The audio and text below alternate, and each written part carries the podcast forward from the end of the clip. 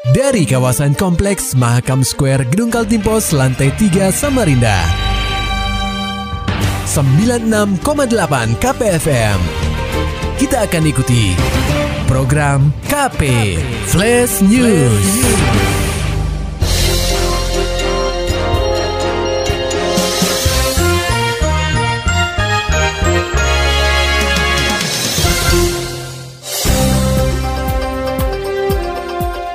Anda sedang menyimak program KP Flash News bersama saya Agung Pratama. Pendengar KP Kepala Badan OIKN Bambang Susantono menyempatkan diri datang ke Unmul dalam acara Nusantara Ghost to Campus. Laporan selengkapnya akan disampaikan reporter KPFM Samarinda Muhammad Nur Fajar. Universitas Melawarman menjadi kampus pertama yang menerima kunjungan dari Badan Otorita Ibu Kota Nusantara atau OIKN melalui program Nusantara Ghost to Campus pada Senin 7 Agustus 2023 di Auditorium Universitas Melawarman. Dalam kesempatan ini, Kepala Badan OIKN, Bambang Susantono, berkesempatan hadir untuk menyapa mahasiswa yang hadir, baik dari Universitas Melawarman maupun berbagai universitas lain di benua etam.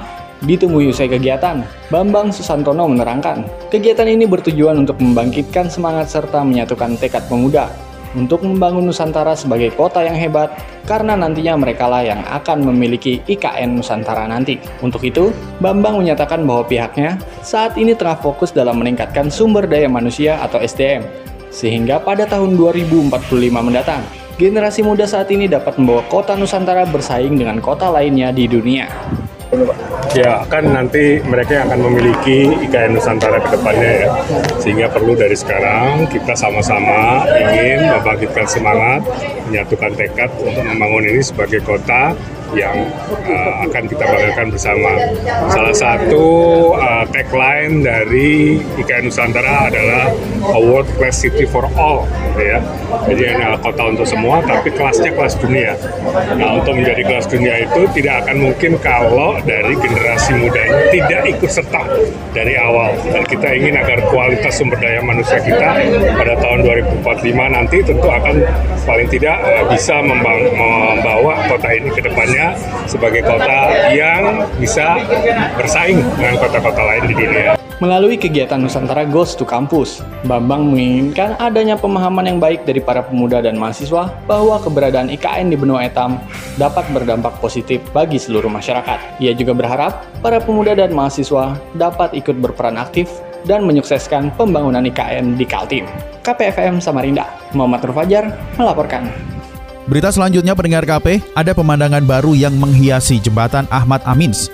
Terdapat portal setinggi 206 cm terpasang di akses masuk jembatan, baik dari sisi palaran maupun sisi sambutan. Pemasangan ini bertujuan untuk membatasi kendaraan besar agar tidak dapat melintas di jembatan sepanjang 1428 meter ini. Berdasarkan informasi yang dihimpun, portal itu sudah terpasang sejak dua hari yang lalu. Imbasnya banyak sekali kendaraan masyarakat terutama yang bermuatan tidak dapat melintas di jembatan yang dahulu bernama Mahkota 2 ini. Salah satunya adalah unit ambulans milik relawan. Sebagai pembuktian, 15 unit ambulans milik relawan melakukan percobaan untuk melintasi portal jembatan Ahmad Amins pada Senin 7 Agustus 2023. Alhasil, 11 dari 15 unit ambulans relawan yang coba melintasi portal tampak tersangkut. Ketua Relawan Info Taruna Samarinda atau ITS, Joko Iswanto menuturkan, sebenarnya relawan tidak mempermasalahkan portal yang dipasang di jembatan Ahmad Amins. Akan tetapi dirinya menghendaki agar tinggi portal disesuaikan dengan tinggi unit ambulans relawan yang setiap harinya melintas di jembatan tersebut. Bukan tanpa alasan Joko berkata demikian. Mengingat dengan tinggi portal yang ada, sudah tentu sangat menghambat mobilisasi ambulans yang tujuannya menolong warga. Jika tinggi portal yang ada tetap dipertahankan, maka bukan tidak mungkin upaya pertolongan yang harusnya tepat dan cepat akan terlambat. Dan setelah diuji, ternyata unit ambulan rata-rata tidak bisa melintas dan sangkut di bagian atap dan lampu rotari.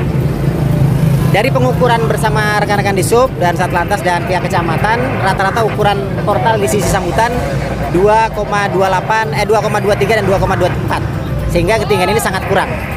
Nah, kami minta kebijakan dari pemerintah kota, khususnya PUPR Kota Samarinda, karena yang membuat PUPR Kota Samarinda, untuk sedikit meninggikan uh, portal yang ada, minimal 2,5, sehingga ambulan yang emergensi baik itu dari sambutan maupun palaran bisa melintas dengan aman. Menanggapi keluhan relawan Kepala Dinas Perhubungan Samarinda, Kepala Dinas Perhubungan Samarinda Hotmaru Litua Manalu melalui analis kebijakan ahli muda Dishub Samarinda Marlian Rizal mengatakan berkaca dari hal ini dirinya akan melapor kepada pimpinan dan bersurat resmi kepada Dinas PUPR Kota Samarinda agar portal tersebut disesuaikan dengan kondisi ambulans sehingga tetap dapat melintas dengan aman.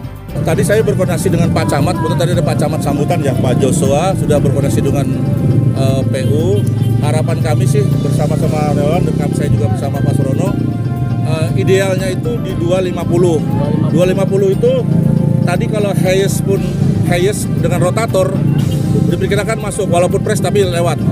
Tapi harapan kami juga kalau terlalu tinggi yang tadinya memang cita-cita kita untuk membatasi apa mobil besar ah, ya percuma kan? Jadi kita betul-betul harus mengukur berapa sih spek yang uh, dimensinya yang harus wajar-wajar bisa dilewati dengan teman-teman ambulan.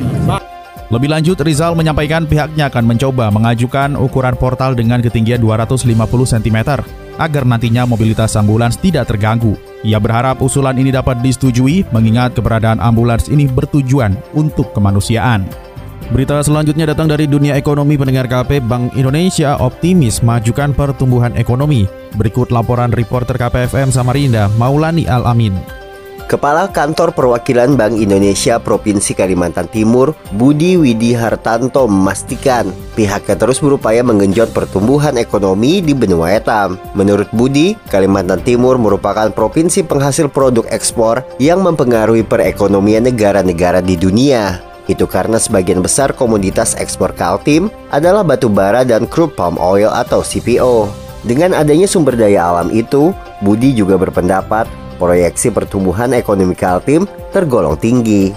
Secara year on year ya, itu masih bagus ya, maksudnya di level 3,76 masih di bawah uh, target uh, uh, nasional yang 3,1 persen.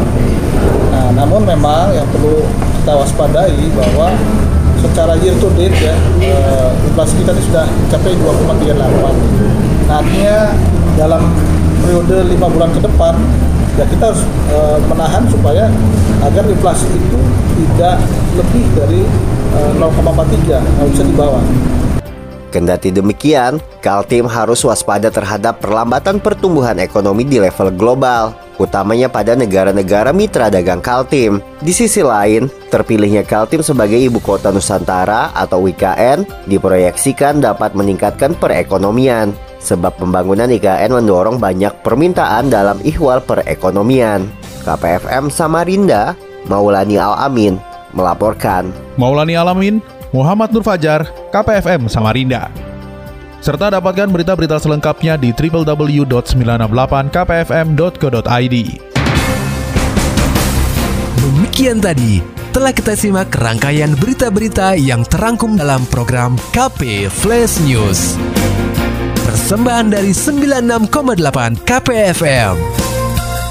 Terima kasih dan sampai jumpa.